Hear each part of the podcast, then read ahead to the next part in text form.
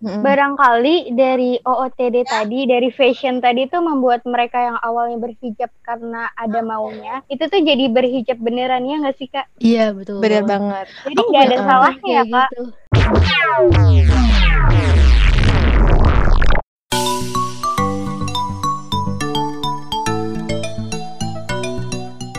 Yeah, Assalamualaikum warahmatullahi wabarakatuh. Kita kembali di part 2 tentang My Hijab is not wrong. Jadi kan di part 1 kita udah bahas nih tentang pengalaman Abid, Fatia, Muti, dan dia nih tentang pengalaman berhijabnya dan juga perspektif yang mereka sampaikan kayak gitu tentang uh, hijab itu nggak salah dan pastinya ada sesuatu nih di balik kenapa hijab itu nggak salah dan kenapa hijab itu diwajibkan di agama Islam kayak gitu ya kan dan ya, betul banget hmm, dan kita di sini balik lagi tetap bersama uh, Abid, Fatihah, Diah dan Muti yang akan ngebahas tentang topik ini yang akan lebih dalam lagi tentang makna hijab itu sendiri di Islam. Ya, jadi kenapa apa hijab itu bermakna banget nih di kehidupan kita khususnya buat para uh, wanita muslimah. Karena emang uh, apa sih menurutku emang hijab itu bukan perkara menutup aurat aja tapi karena emang uh, di Al-Quran sendiri itu tuh ada aturannya. Dan kita tahu ya masing-masing ya kalau misalnya semua hal yang tercatat dalam Al-Quran itu kita harus mengikutinya karena Al-Quran adalah pedomannya. Nah, jadi kenapa sih dalam Islam itu hijab itu wajib? Kayak gitu. Nah, jadi teman-teman, hijab itu pada dasarnya adalah untuk menutup aurat. Nah, dalam Al-Quran, kita udah tahu ya bahwa menutup aurat itu adalah wajib. Sebagaimana dalam surat Al-A'raf ayat 26 yang artinya, Hai anak Adam, kami telah menurunkan kepadamu pakaian untuk menutup auratmu dan untuk perhiasan. Dan pakaian takwa itulah yang terbaik bagi kamu. Iya, betul banget ya emang gitu. Jadi karena di Al-Quran aja uh, yang dibilang pakaian takwa itu adalah ya yang menutup aurat gitu. Dan hijab tuh yang sebagaimana uh, diwajibkan ya yang menutup aurat. Jadi ya kalau misalnya hijabnya masih belum menutup aurat ya berarti bukan hijab. Bener gak guys? Betul banget, Fit. iya, karena udah jelas nih di Al-Quran di surat Al-A'raf ayat 26 kalau misalnya pakaian menutup aurat itu ya untuk perhiasan kamu. Dan itu adalah pakaian takwa kayak gitu. Nah, jadi yang belum menutup aurat, ya so pasti itu bukan pakaian takwa kita, kayak gitu. Nah, benar banget nih kata yang Abi tadi bilang kan, kalau pakaian takwa itu kan yang menutup aurat ya. Nah, ini tuh ada di Quran Surat Al-Ahzab ayat 59. Hai Nabi, katakanlah kepada istri-istrimu, anak-anak perempuanmu, dan istri orang-orang mukmin, hendaklah mereka mengulurkan jilbabnya ke seluruh tubuh mereka. Yang demikian itu supaya mereka lebih mudah dikenal sehingga mereka tidak diganggu.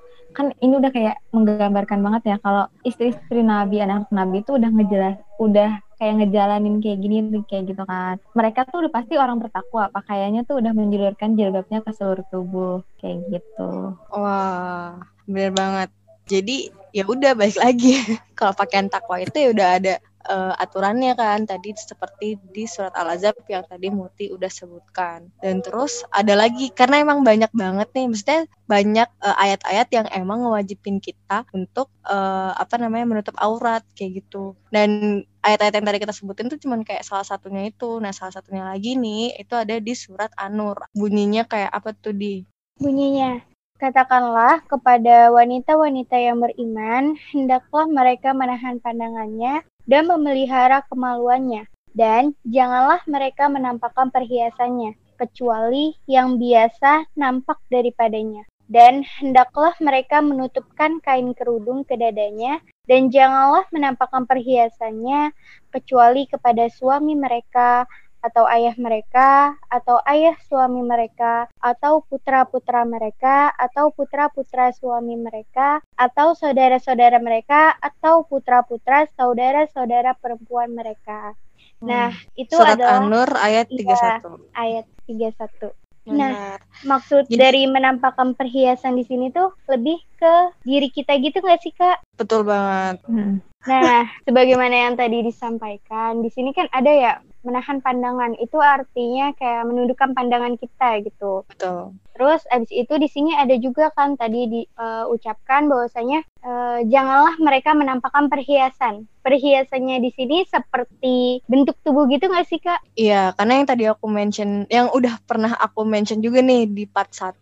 Kalau misalnya wanita itu mau dilihat dari segi mana pun tuh indah gitu loh. Karena keindahan itulah, jadi wanita tuh dianggap sebagai perhiasan dunia ya. ya nggak sih? Banyak iya, kan ya yang bilang kayak gitu. Karena emang seperti itu gitu. Karena emang mau dilihat dari mana pun wanita itu indah kayak gitu. Nah, karena keindahannya itulah yang disebut sebagai perhiasan itulah hendaknya kita untuk menutup keindahan-keindahan itu kecuali kepada orang-orang yang emang mahrum nih buat kita. Kayak tadi kan udah disebutkan juga kan di surat An-Nur ini gitu. Kalau misalnya ada ayah kita, suami kita, anak putra kita kayak gitu.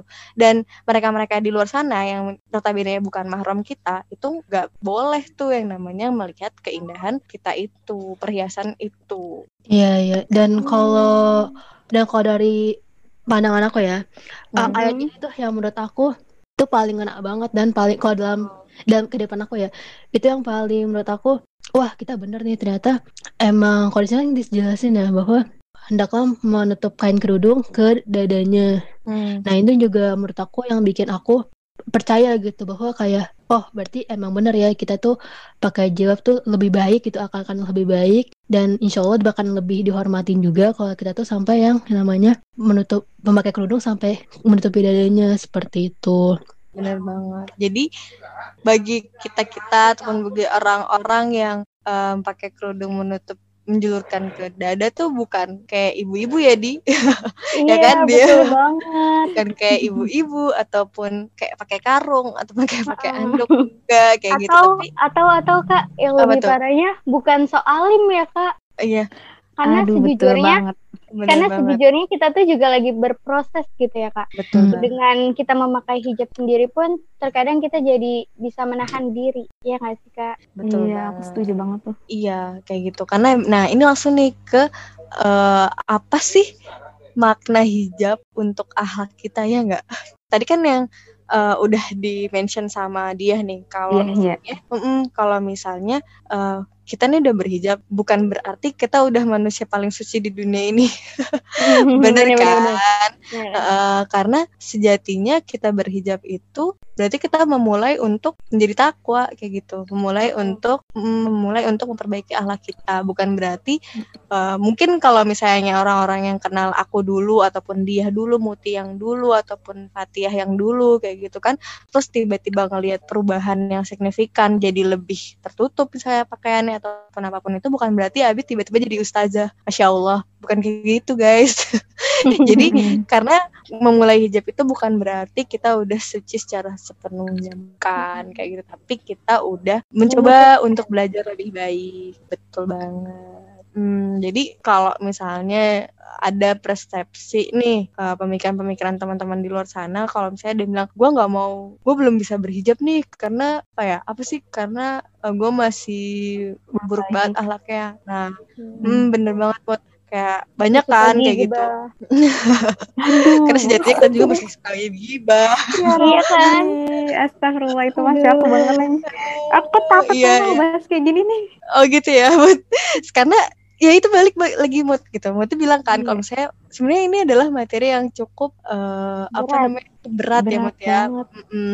karena uh, walaupun nih kita udah berani untuk ngomong kayak gini sebenarnya ada juga yang kita ngerasa uh, duh gue masih kayak gini duh gue masih kayak gini ya iya tapi ya kan? itu kita menjalankan satu kewajiban kita kan Benar. ya yang yang udah Allah tuliskan di Al-Quran buat ya kita ngejalanin itu kita pakai kerudung nutup dada kayak gitu kan. Walaupun Benar. yang lain-lain tuh emang belum bisa kita jalanin tapi setidaknya ada satu kewajiban yang Allah tanamkan yang udah kita jalankan gitu ya nggak betul banget. Hmm. itu poinnya. Setidaknya sudah berani memulai ya kak. Benar, iya benar banget benar. dan memulai kan bukan berarti kita langsung uh, harus menjadi, sempurna gitu ya. Yes bener banget. Jadi itu. Jadi kayak buat teman-teman di luar sana yang kayak masih takut-takut buat berhijab karena karena alasannya aduh gue belum jadi orang yang baik misalnya kayak gitu kan. Ataupun hati gue belum berhijab kayak gitu. Belum berhijab. Kalau aku inget-inget dulu dulu yeah. pernah baca bukunya Ustadz Felix. Ini kan yang tahu gak sih buku yang You berhijab itu? Itu kan tahu, tahu, Kak terkenal banget ya. Dan itu aku pernah beli dan aku pernah baca. Di situ ada ilustrasi yang sangat luar biasa menurut aku. Itu kayak ngena banget. Karena emang waktu aku baca tuh kayak banyak gitu yang ngomong kayak gitu. Eh, kayak apa namanya? Gue belum berani berhijab karena hati gue juga belum eh, Berhijab. berhijab kayak gitu. Dan di situ tuh ada ilustrasi yang hati dikasih jilbab. Hati dikasih jilbab. Itu Hmm. ya emang Jadi- gak kayak gitu kayak gitu. Sebenarnya bukan kita nunggu sampai hati kita baik bukan kayak gitu. Karena kalau misalnya kita nggak mulai dari sekarang ya gimana kita bisa mencoba untuk baik kayak gitu. Karena gini deh Mm, kalau kita mau datang ke pengajian-pengajian nih ya guys gitu kan. Mm-mm. Ya mungkin emang gak diwajibin ya tapi kan akan lebih baik kalau misalnya kita datang ke sebuah pengajian ataupun sebuah kajian itu kita berhijab ya nggak sih ya Iya, kan betul. Nah, itu adalah salah satu tempat yang baik dan itu adalah suatu media yang bisa kita eh, datangi untuk menambah ilmu kita misalnya ya kan. Nah, kalau misalnya kita nggak mulai-mulai nih buat berhijab, terus kita nggak mulai-mulai datang ke pengajian, kita nggak mulai-mulai datang ke kajian-kajian, terus kapan nih hati kita bisa berhijab? ya kan? Karena mungkin. mm-mm. eh, karena hidayah pun perlu dijemput ya kak, bukan langsung Betul. datang gitu. gitu. Aduh bener banget lagi. bener banget bener banget ya Bener Mut ya banget. itu langsung jelek gitu ya. Ya Iya karena bener-bener. emang karena emang bener banget kata dia gitu. Tuh dia aja yang anak 2000 ngerti. Kalau Karena misalnya pernah nah, itu merasakan nggak kak. Hmm, bener banget. Karena kalau kita nunggu nungguin hidayah keburu kita emang nggak bisa lagi mencapai hidayah itu Ya, Dan itu pun kalau masih Hmm. ada umur ya kak. Aduh. betul banget. Nah kayak gitu. Jadi gini loh maksudnya hidayah itu juga nggak datang cuman sekali. Maksudnya aku masih sampai ngerasa sampai saat ini walaupun udah berhijab pun kayak masih mengharapkan hidayah-hidayah dari Allah supaya kita tuh tetap dibimbing ke jalan yang baik kayak gitu. Maksudnya itu kan sebuah hidayah sebuah kenikmatan yang suat- yang besar juga kan. Hmm. kalau misalnya kita itu tetap dikasih sama Allah tuh yang baik-baik kayak gitu kan. Nah jadi kayak eh, hidayah itu nggak cuman sekali aja datangnya kayak gitu. Dan bukan sekali aja kita jemputnya tapi emang harus berkali-kali kita jemput kayak gitu. Karena ya balik lagi kalau misalnya kita udah berhijab tadi kita belum bukan berarti jadi manusia yang udah sempurna secara akhlak karena masih banyak banget yang harus kita pelajarin kayak gitu. Nah dan tadi Muti juga udah bilang kalau misalnya aku takut banget bahas-bahas yang kayak gini karena emang balik lagi gitu kan kita nih juga masih dalam proses belajar kan gitu. Tapi balik lagi kita belajar juga nggak bisa diam aja kayak gitu. Tapi kita juga harus mengumandangkan juga nih ke teman-teman juga kayak gitu. Setidaknya mengingatkan lah ya saling mengingatkan. Karena eh, kita ngomong kayak gini aja kayak ingat lagi oh ya ya dulu niat gue berjilbab tuh apa ya? Kayak gitu. Jadi kayak kalau fenomena zaman sekarang nih ya kan? Orang berjilbab tapi kayak masih kayak gitu misalnya. Masih misalnya masih banyak perilaku perilaku yang seharusnya nggak mereka lakukan gitu. Padahal mereka berjilbab. Dan akhirnya orang semua bakal bilang padahal dia berjilbab kayak gitu. Jadi kayak seakan-akan menyalahkan hijabnya kayak gitu. Eh, padahal nggak seperti itu kayak gitu kan. Karena balik lagi ke masing-masing kayak gitu. Fenomena-fenomena yang saat ini terjadi kayak gitu. Terus karena balik lagi ke niatnya kita tuh sebenarnya berhijab tuh buat apa sih? Berhijab itu buat menjadi baik atau berhijab karena mengikuti tren masa kini kayak gitu. Ya nggak? Atau kita berhijab karena pengen punya OOTD yang bagus. Mantap. Heeh, maksudnya Tapi balik kak, lagi mm, tapi kak mm, barangkali dari OOTD tadi, dari fashion tadi tuh membuat mereka yang awalnya berhijab karena ada maunya, itu tuh jadi berhijab beneran ya nggak sih kak? Iya betul. bener banget Jadi nggak ada salahnya ya Kayak kak, gitu. Iya. memulai melalui hal-hal yang tadinya niatnya bukan untuk berhijab, tapi betul banget bukan gitu, daripada Betul nggak sama banget. sekali. Bener Hmm. banget. Jadi emang eh, balik lagi ya gitu kan. Karena niat tuh ada tiga tahapan ya. ya kan? Niat itu ada Iya, di awal, di tengah, dan di akhir. Kalau misalnya emang awalnya eh, ah gue mau berhijab nih gara-gara kayak pasmina pasmina sekarang udah lucu-lucu bagus-bagus gitu kan misalnya gitu. Tapi ujung-ujungnya karena kita udah ke kepalang tanggung kayak masuk jurang gitu misalnya. Udah masuk jurang nih gue pakai hijab gitu kan. Kayak malu kan kalau misalnya melepas gitu. Akhirnya jadi sebuah ketakwaan yang nggak bisa kita lepas gitu. Itu luar Nah. biasa banget. Masya Allah banget itu. Hmm, Dari yang Hmm. main-main jadi beneran. Aduh, bener kalau ke, banget Mm-mm. kalau ke hal positif sih nggak apa-apa banget ya kak. bener banget kayak gitu jadi tadi karena tadi ujung-ujungnya hijab apa eh, hijrah ataupun hidayah itu nggak datang secara tiba-tiba tapi kita jemput kayak gitu boleh jadi cara menjemputnya itu ya tadi dari hal yang Sepele. Gitu sereceh itu tadi gitu loh. Misalnya kayak gara-gara ngeliat pasmina kok sekarang bagus-bagus ya? Atau enggak gue uh, kerudung kok sekarang bagus-bagus ya? Kayak gitu. Dari hal yang seperti itu tuh bisa dibilang menyebut hidayah kayak gitu. Jadi bukan dalam artian menjemput hidayah kita harus ke uh, apa ya gitu ya harus langsung ke syari ataupun enggak kayak gitu. Tapi tadi kan kalau misalnya hmm, tadi kalau misalnya Muti cerita di part satu ya kita nikmati aja prosesnya kayak gitu Iya dan aku punya pengalaman juga eh, sama yang tadi udah disampaikan dia ya. Jadi eh, tentang seorang yang akhirnya menetap untuk berhijab yang awalnya tuh dari fashion lah istilah kayak gitu. Eh, jadi kalau aku tuh punya teman dulu teman kuliah yang dia itu awalnya tuh pakai jilbab itu pas kuliah doang gitu. Nah pas di rumah kan dia nggak kos tuh. Nah pas dia pulang ke rumah kayak gitu, dia tuh kan masih bergaulnya sama yang di mana teman teman-teman dari terdekat dia itu belum pakai jilbab semua kayak gitu dan jadi dia juga belum pakai jilbab tuh kalau di rumah istilah kayak gitu uh, awalnya tuh karena ah di di kuliah tuh kayak banyak pakai jilbab yaudah gue ikutan aja pakai jilbab kayak gitu. Terus dan kita tahu ya kalau sekarang itu kan fashion fashion hijab zaman sekarang tuh semakin bagus semakin modern. Terus ya pokoknya tetap syari tapi tapi tapi tetap modern kayak gitu tampilannya. Jadi itu juga akhirnya ngebuat teman aku yang akhirnya buat uh, menetap untuk berhijab kayak gitu. Apalagi temen aku juga termasuk yang good looking lah istilah kayak gitu good looking. Terus salah satu terkenal dengan good lookingnya kayak gitu. Dan hmm. akhirnya yang ngebuat dia nyaman lah dengan hijab. Dan akhirnya dia alhamdulillah sampai sekarang di mana pun dia berada gitu dia tetap bergaul sama temennya teman-teman terdekatnya. Dan dia juga sampai sekarang juga masih pakai berhijab kayak gitu. Nah, mungkin kita uh, langsung aja kali ya untuk ke closing statement nih sebelum kita akhiri episode podcast perspektif kita pada kali ini. Mungkin bisa Boleh. dari siapa dulu nih yang mau nyampein closing statement? Muti dulu kah? Atau Boleh. dia dulu? Oke, siap. Muti silakan ya. closing statement dari Muti nih. Kalau dari aku ya, sebenarnya mau hijab kita menilai benar atau enggaknya kan baik lagi ke diri kita ya selama kita nikmatin proses kita nggak apa-apa maksudnya pelan-pelan dulu. Mungkin belum bisa langsung yang hijrah jauh tapi nikmatin proses kita.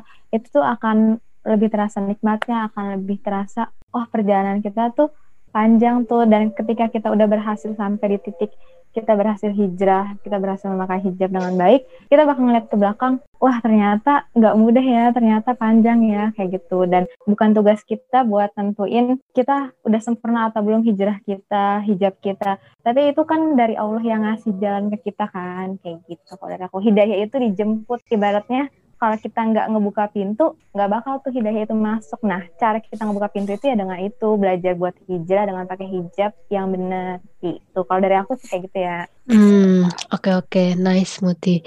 Oke, okay. selanjutnya dari dia mungkin ada konsisten dari dia yang ingin disampaikan nih buat sahabat poppers tentang hijab. Kalau dari dia sendiri, benar banget nih apa yang tadi disampaikan selama podcast kali ini. Nah, buat teman-teman yang baru berhijab atau baru berniat bertekad untuk mau berhijab akan banyak banget perjalanan yang bakal kalian lalui terutama mungkin dari kalian yang banyak banget teman gitu bakal banyak teman-teman yang bakal agak menjauhin kalian. Nah, di situ kalian tenang aja gitu.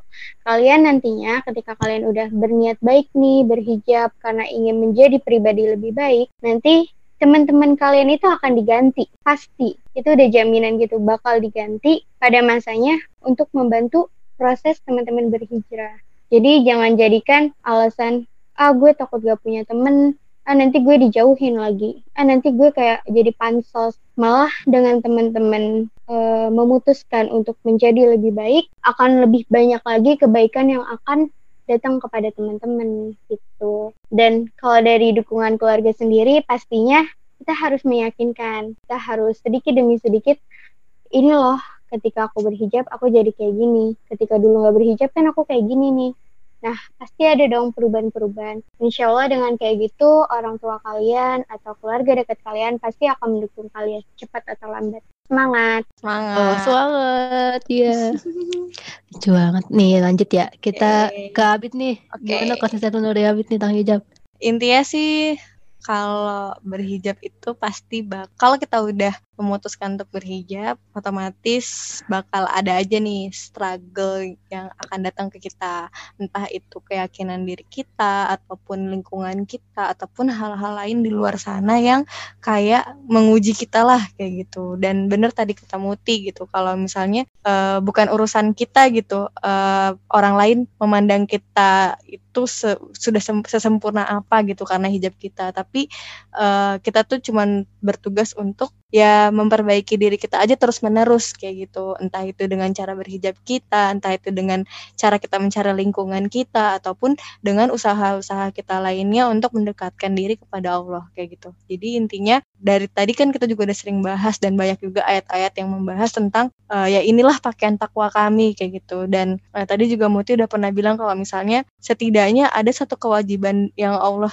berikan ke kita dan kita udah melaksanakannya yaitu dengan cara berhijab kayak gitu. Dan uh, kalau bagi teman-teman kita ataupun mungkin teman-teman dari teman-teman kita juga masih menganggap hijab itu salah ataupun hijab itu sebagai sebuah penindasan terhadap wanita ataupun statement-statement yang nggak benar di luar sana ya udah gitu coba kita renungi lagi masing-masing kayak gitu. Kalau misalnya ya ini tuh ada di Al-Qur'an dan emang Allah tuh udah mewajibkannya kayak gitu. Dan uh, kita sebagai seorang manusia di muka bumi di muka bumi ini yang emang diciptakan hanya untuk bertakwa kepada Allah makanya kita harus mencari pakaian takwa itu yaitu dengan berhijab. Jadi uh, bagi kalian-kalian yang masih berhijab tapi kayak masih ngerasa apa ya istilah zaman sekarang kayak bobrok banget lah kayak gitu misalnya tapi nggak apa-apa that's okay gitu. Karena semua itu ada prosesnya dan ada indah pada waktunya.